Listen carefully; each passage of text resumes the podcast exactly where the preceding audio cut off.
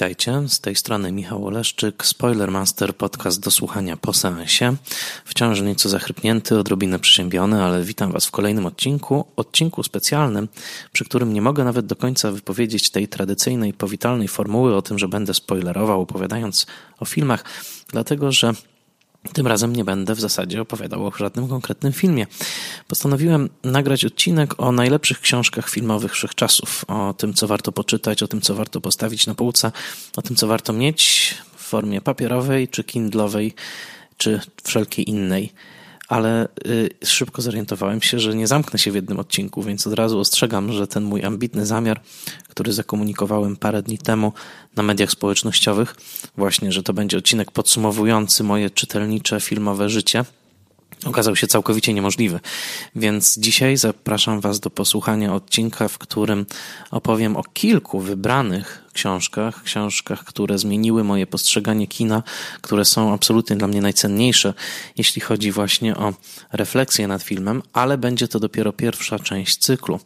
Dzisiaj opowiem o kilku książkach anglojęzycznych, w zasadzie przedstawię takie swoje top 5 a także powiem o jednej serii wydawniczej, która jest dla mnie bardzo cenna, a jeżeli chodzi o książki trochę z innych gatunków, także książki polskojęzyczne, postanowiłem, że będę kontynuował ten cykl i od czasu do czasu w nieregularnych pewnie odstępach będę Wam po prostu takie piątki, top 5 w różnych kategoriach przedstawiał. Dzisiejsze top 5 to jest takie moje absolutne top 5 książek, które zmieniły moje życie, czy książek, które zmieniły to, jak patrzę na kino.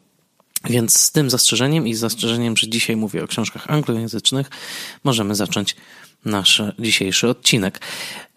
Przede wszystkim chcę powiedzieć jedno, to jest rzecz oczywista, że książek filmowych jest ogromnie dużo jest ich coraz więcej. Rynek się bardzo powiększa. Moment, kiedy zawitał Kindle i możliwość kupowania książek tak naprawdę filmowych, które wychodzą w tym momencie mm, e, po angielsku w Stanach, w Wielkiej Brytanii, E, i nie tylko, jest tak ogromna, że w zasadzie każdy film prowokuje mnie zawsze, e, nowy film, który oglądam, do tego, żeby zajrzeć na Amazona i zobaczyć, co tam też jest wokół tego filmu. I tak na przykład ostatnio, kiedy nagrywałem dla Was odcinek o Judy, o filmie o Judy Garland, to oczywiście zrobiłem swój research i okazało się, że e, kindlowych samych pozycji, które można by kupić, przeczytać, gdyby ktoś miał nieograniczone finanse i nieograniczony czas, których ja nie mam, e, to jest e, niesamowite. To znaczy, w zasadzie opowiadałem wam skupiając się na zreferowaniu takiej najbardziej popularnej, znanej biografii Judy Garland, czyli książki Get Happy e, Geralda Clarka, znakomitej, naprawdę świetnej, ale to był mój wybór, dlatego że jednocześnie jest e, kilka konkurencyjnych biografii Judy Garland. E, są książki o Judy napisane przez ludzi, którzy ją znali, także tych ludzi, którzy jakoś no, są kontrowersyjni w jej biografii, na przykład Sid Luft, jej mm, czwarty mąż, był autorem właśnie mm, także książki o niej, takiej wspomnieniowej. I w zasadzie wydaje się, że wiele osób, które nawet chwilę zetknęło się z Judy, napisali o niej książki. Są książki bardziej filmoznawcze, analizujące jej, e, jej wizerunek i tak dalej, i tak dalej. Więc naprawdę jest tego mnóstwo. I za każdym razem trzeba wybierać, a żyjemy w czasie wiecznego nadmiaru, a ponieważ ja staram się zwalczać w sobie słynne FOMO, czyli Fear of Missing Out, no staram się zazwyczaj zawężać do jakiejś jednej wybranej pozycji, bo inaczej człowiek mógłby po prostu w tym nadmiarze oszaleć.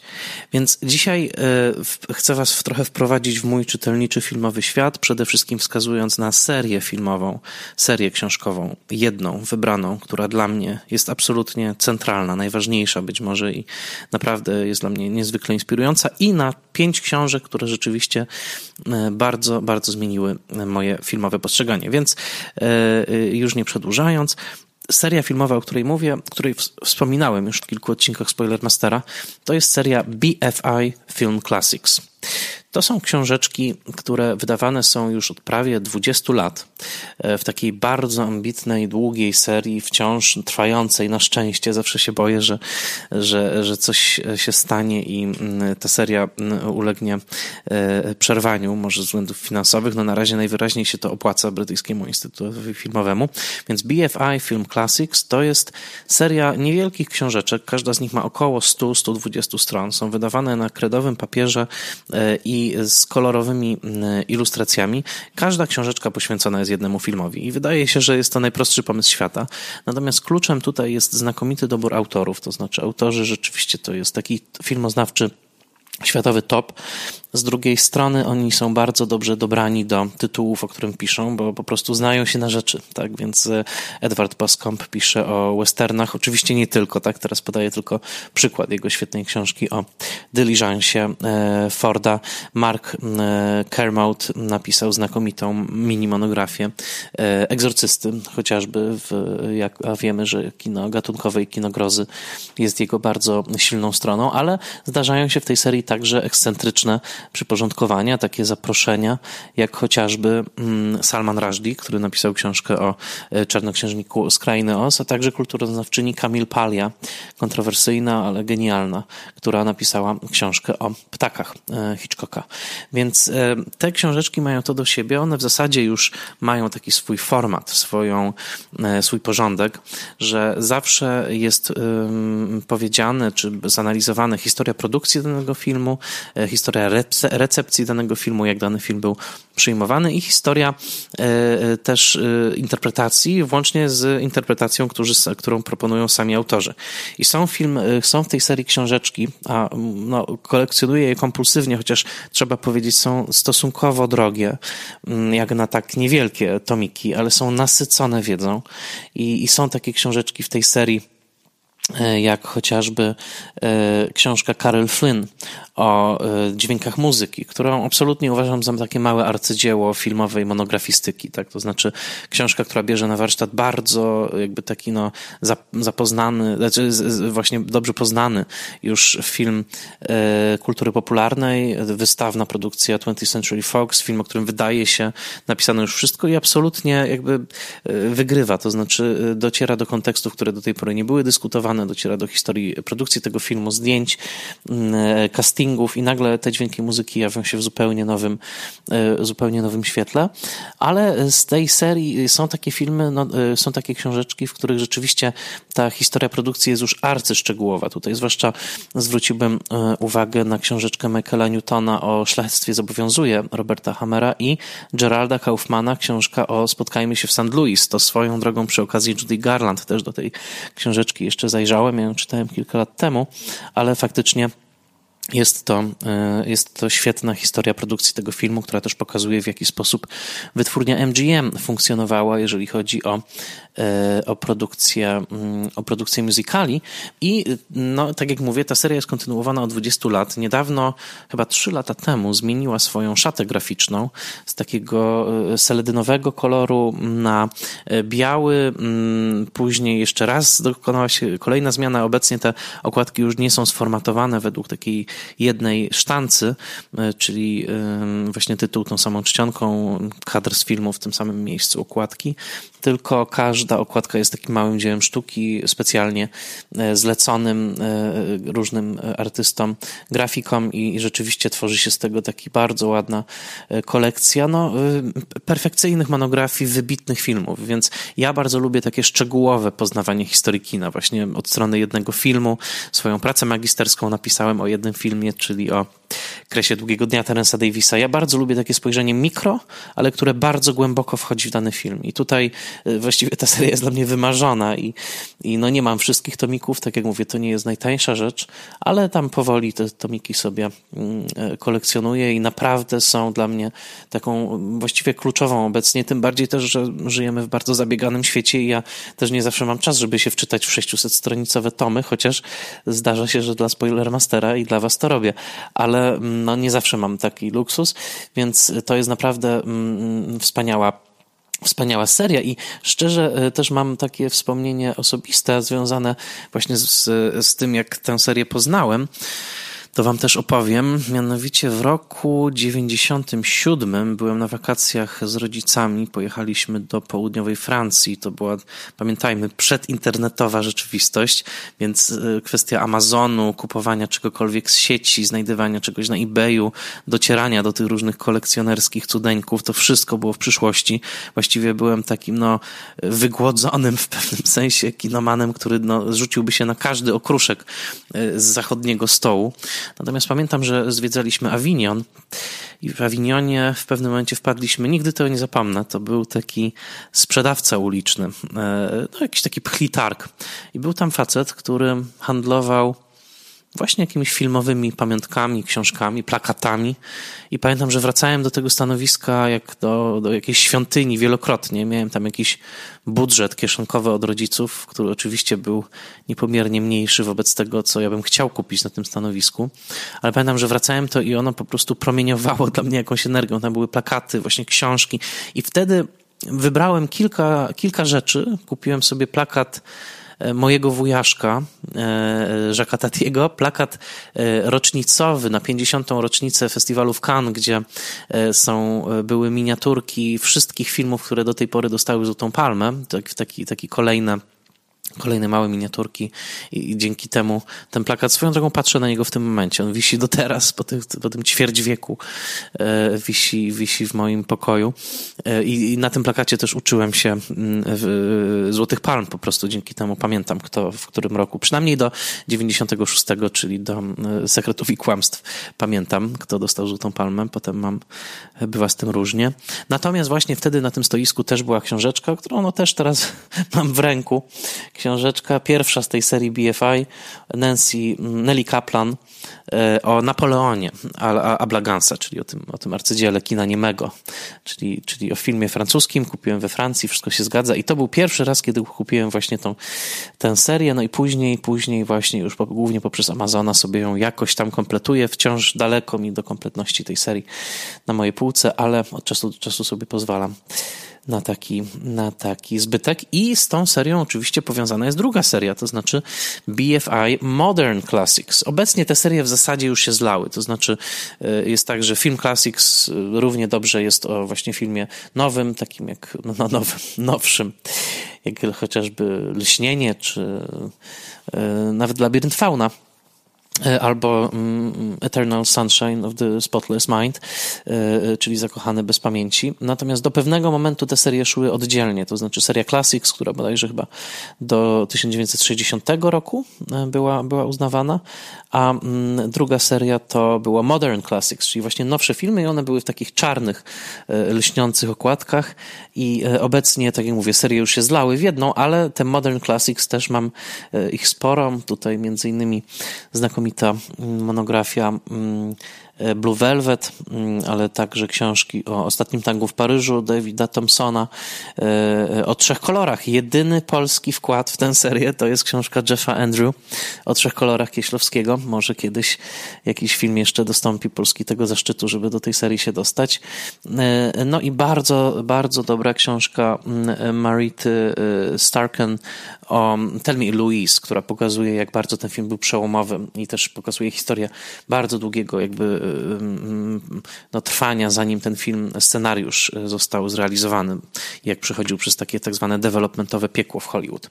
Więc to pierwszy punkt. Absolutnie polecam wam serię BFI Film Classics z Amazona. Ja zazwyczaj kupuję używane te książki, chociaż one nie są wiele tańsze. Niestety sprzedający wiedzą, że one są dosyć cenne na rynku. I do tego jeszcze dołożę serię BFI e, przewodników. E, to jest taka seria, która się nazywa 10 do kwadratu, 10 squared, e, która jest serią przewodników po 100 najlepszych filmach w danym gatunku. I to jest naprawdę znakomite. Te tekściki są często dwustronicowe, ale są tak nasycone. Angielszczyzna jakoś potrafi rzeczywiście nasycić znaczeniem teksty w stopniu większym niż polszczyzna i, i to są takie piguły. 100 westernów, 100 filmów noir, 100 europejskich filmów grozy, 100 gier wideo, 100 współczesnych soundtracków. Nieprawdopodobna książka, to polecam. To jest właściwie takie 100 mini esejów filozoficznych na temat dźwięku w kinie. To nie chodzi tylko o muzykę. E, i 100 anime, 100 musicali, bardzo też ciekawe. Moja absolutnie ukochana książeczka, to znaczy e, Daniela Rosenthala, 100 filmów szekspirowskich, świetna, dowcipna, e, wspaniale podsumowująca jakby szekspirowskie kino.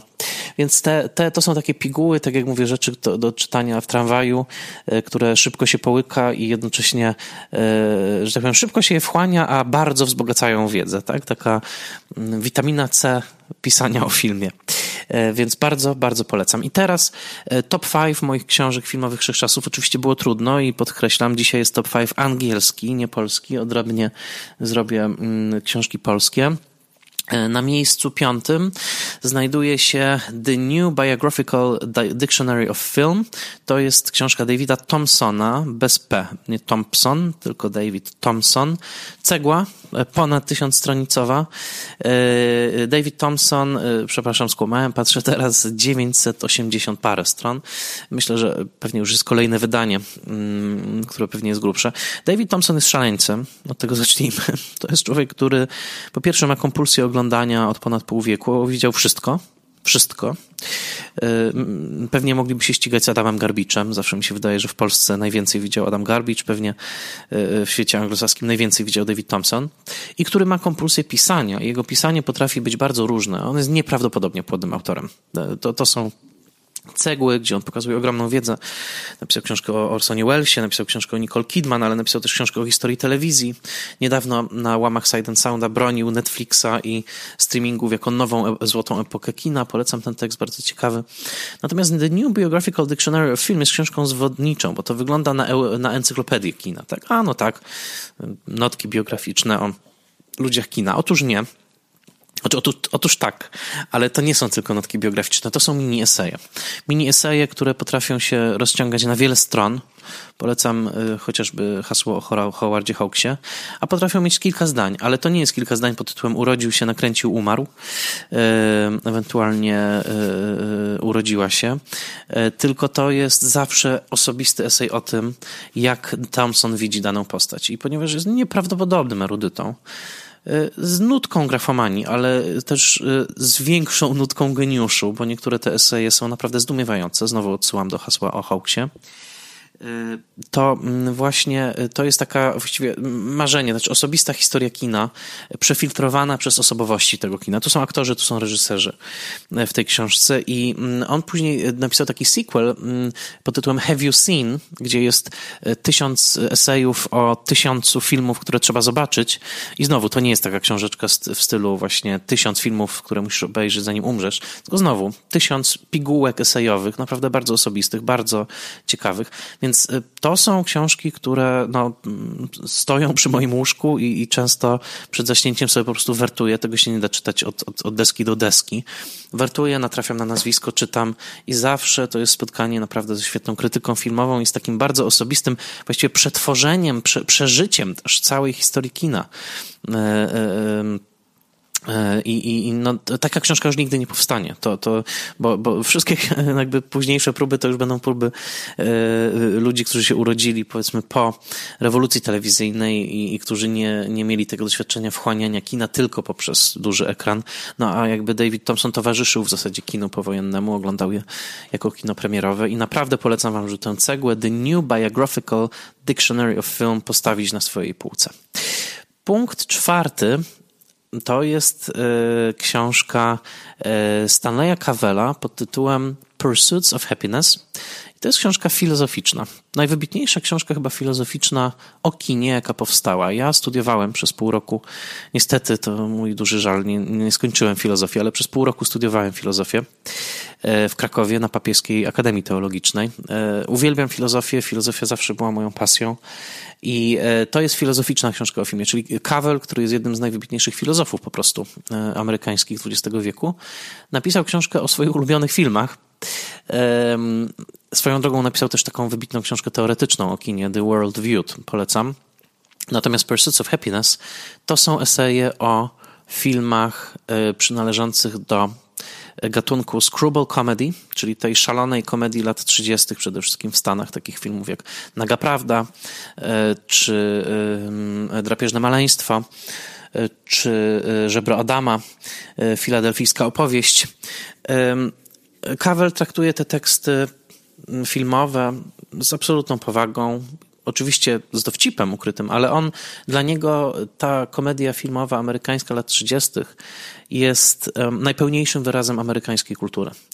E, to znaczy, on dostrzega w tym jakby element szekspirowski, że to, że właściwie te komedie, ich język, ich struktury fabularne, aktorzy, którzy tam grają, Catherine Hepburn, Cary Grant, e, że to wszystko, że jest to pewien niebywale e, głęboki kulturowy twór, który on, on łączy z tradycjami właśnie szekspirowskimi i z filozoficzną tradycją Emersona, takiego poszukiwania E, autentyczności, e, poszukiwania samospełnienia w kraju, który jest ufundowany na spełnieniu jednostki.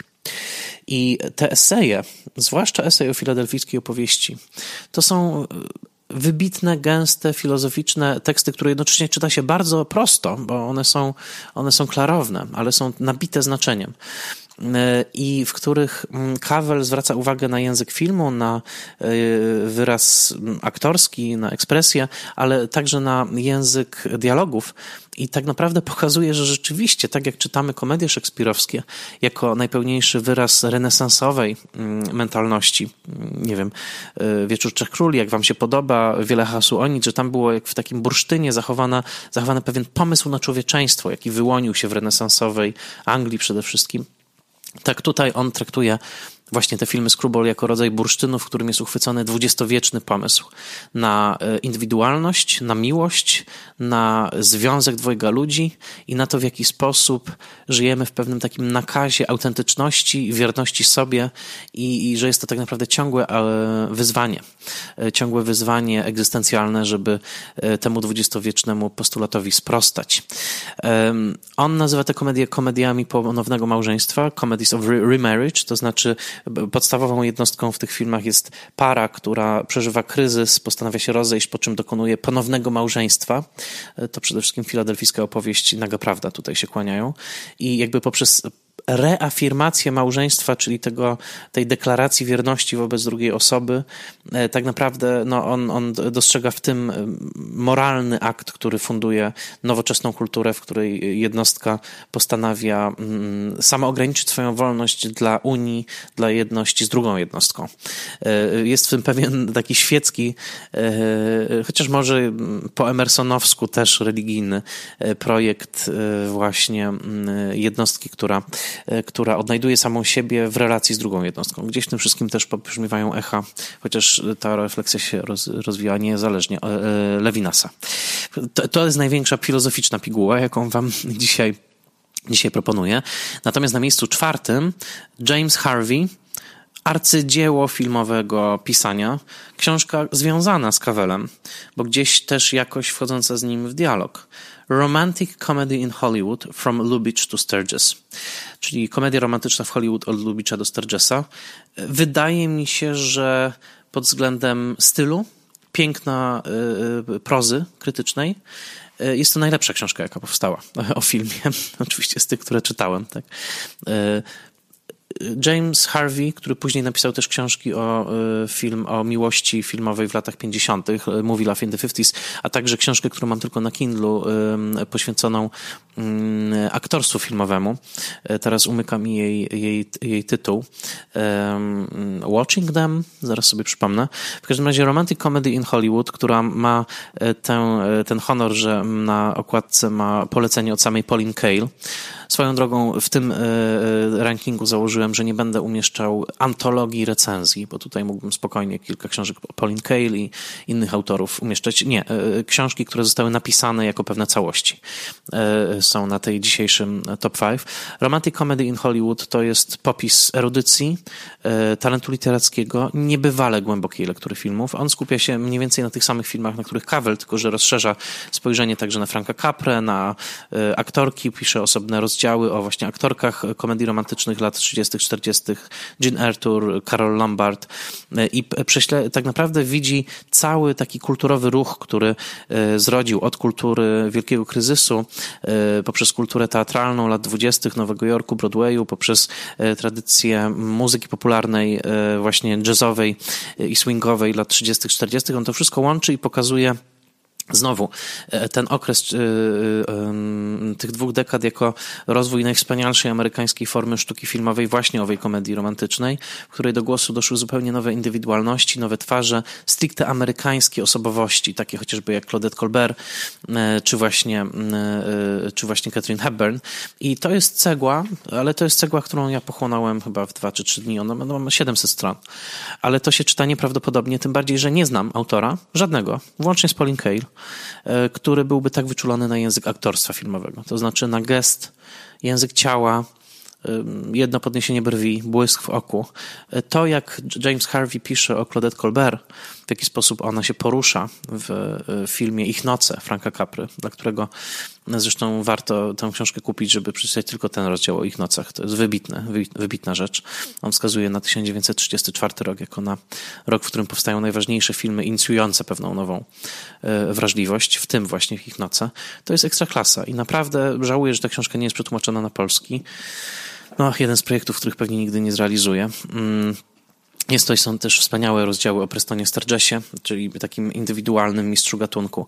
I też y, teksty, fragmenty o filmach słabszych, które, które nie miały tego indywidualnego błysku, takiego właśnie, jak, jaki możemy znaleźć w filmach Sturgesa. Więc to y, jest moje miejsce, miejsce trzecie. Mm, Romantic Comedy in Hollywood from Lubitsch to Sturgis. E, miejsce drugie to e, Jim Haberman, książka The Dream Life, Movies, Media and the Mythology of the 60s, czyli dosłownie życie snem, filmy, media i mitologia lat 60. To jest książka, która powstała jako pierwsza w trylogii, obecnie już zakończonej, co Hoberman potwierdził, w trylogii, która opisuje kino amerykańskie od lat zimnowojennych do końca epoki Reagana, czyli w zasadzie pół wieku. Hoberman e, jest mm, nowojorczykiem, e, pisał przez całe lata dla Village Voice, jest krytykiem, ale to, co zrobił w The Dream Life jest w zasadzie pionierskie, jednocześnie jest zakorzenione w pewnej tradycji. O co chodzi? Dream Life to jest książka o latach 60., o latach 60. potraktowanych całościowo, jako fuzja polityki, mediów, e, społeczeństwa i e, filmu i muzyki.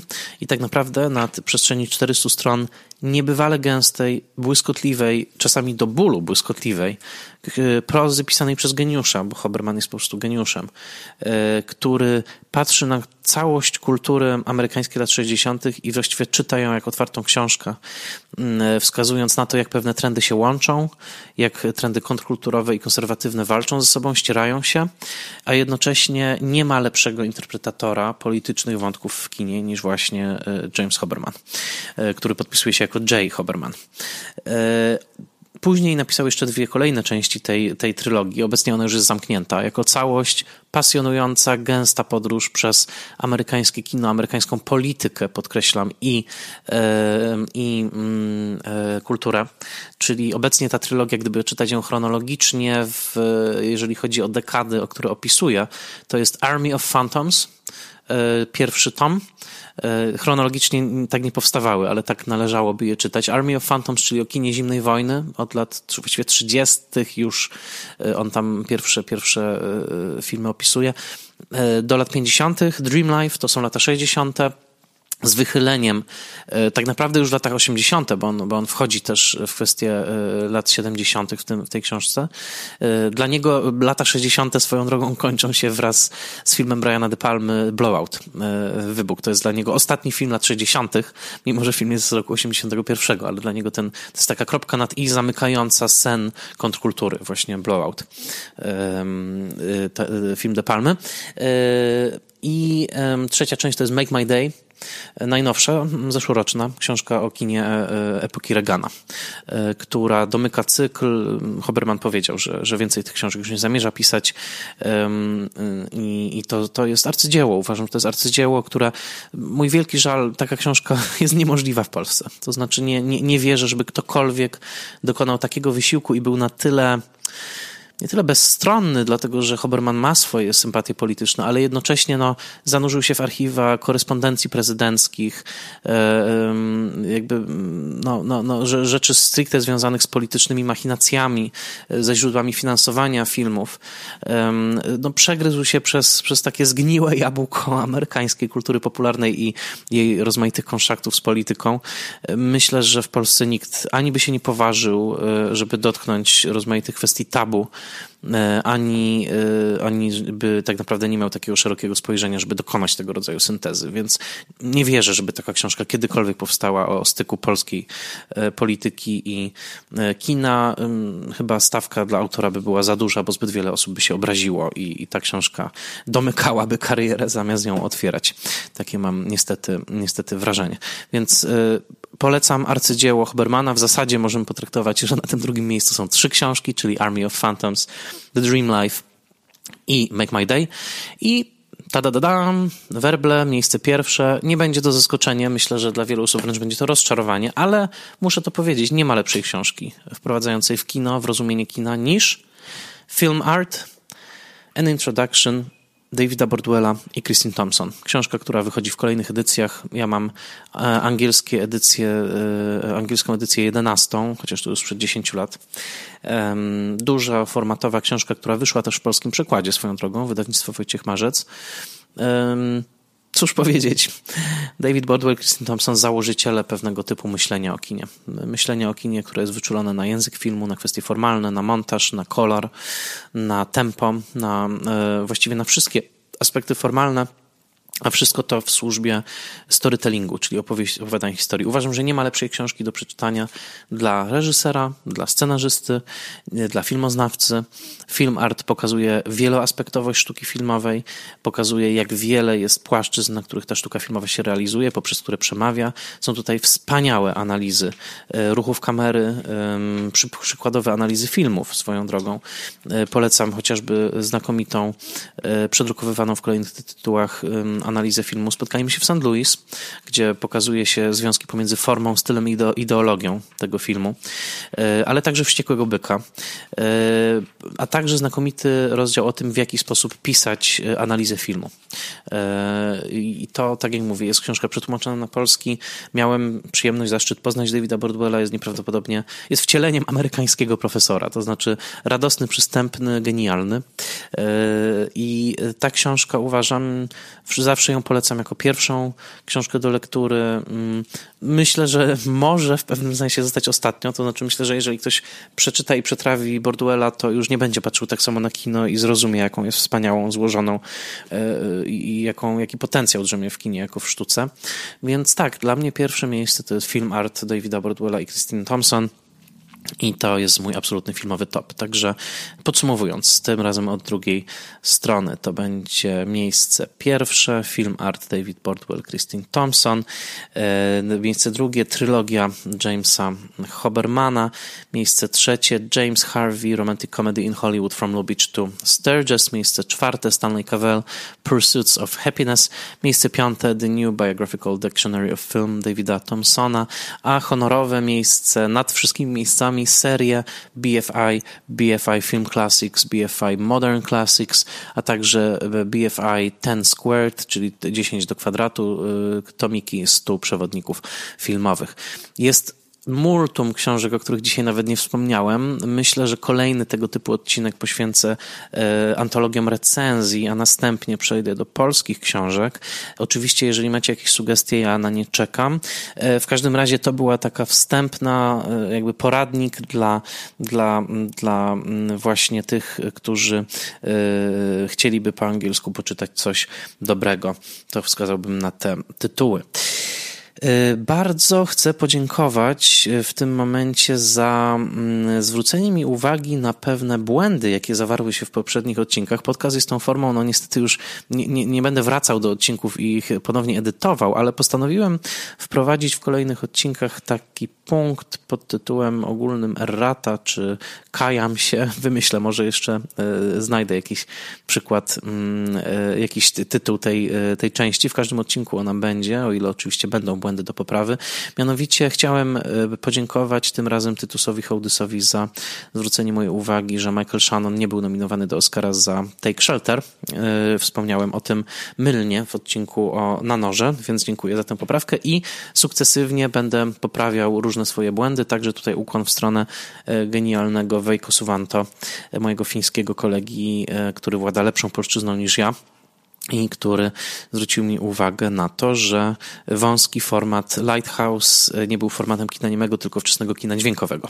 Więc bardzo także dziękuję za tę poprawę i tak jak mówię, w odcinkach kolejnych, jeżeli pojawią się błędy, to proszę Was po pierwsze wytykajcie mi te błędy, po drugie ja będę je poprawiał właśnie w takim rozdziale odcinku pod roboczym tytułem Errata. Kolejny podrozdział, który w tym momencie wprowadzam, to jest podziękowanie dla przyjaciół Spoilermastera i mam tutaj na myśli nie tylko słuchaczy, bo wam wszystkim oczywiście bardzo dziękuję za to, że jesteście i za wszystkie dobre sygnały, ale przyjaciele Spoilermastera to jest zakładka odcinka, w której dziękuję kinom, które zaprzyjaźniły się ze Spoilermasterem, y, z którymi wspólnie postanowiliśmy pomóc sobie promocyjnie. To są y, kina, y, w których we większości byłem, z części częścią jestem w kontakcie mailowym, e, kina prowadzone i programowane przez prawdziwych kinomanów, jednocześnie kina, w których no, we większości, tak jak mówię, bywam regularnie.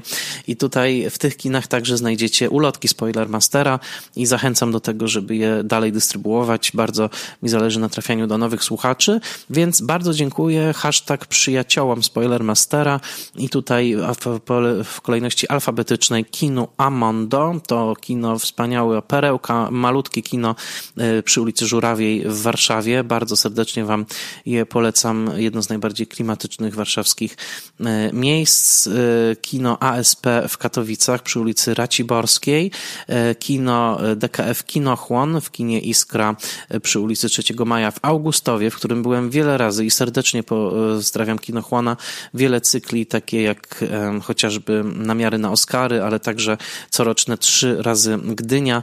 Naprawdę jedno z wspaniałych najwspanialszych miejsc w ogóle na filmowej mapie Polski, wielokrotny laureat nagrody PISFU i także położony, co nie bez znaczenia, w pobliżu genialnej, a podkreślam, jestem smakoszem, co po mnie widać, genialnej restauracji Fisza. Polecam ją serdecznie.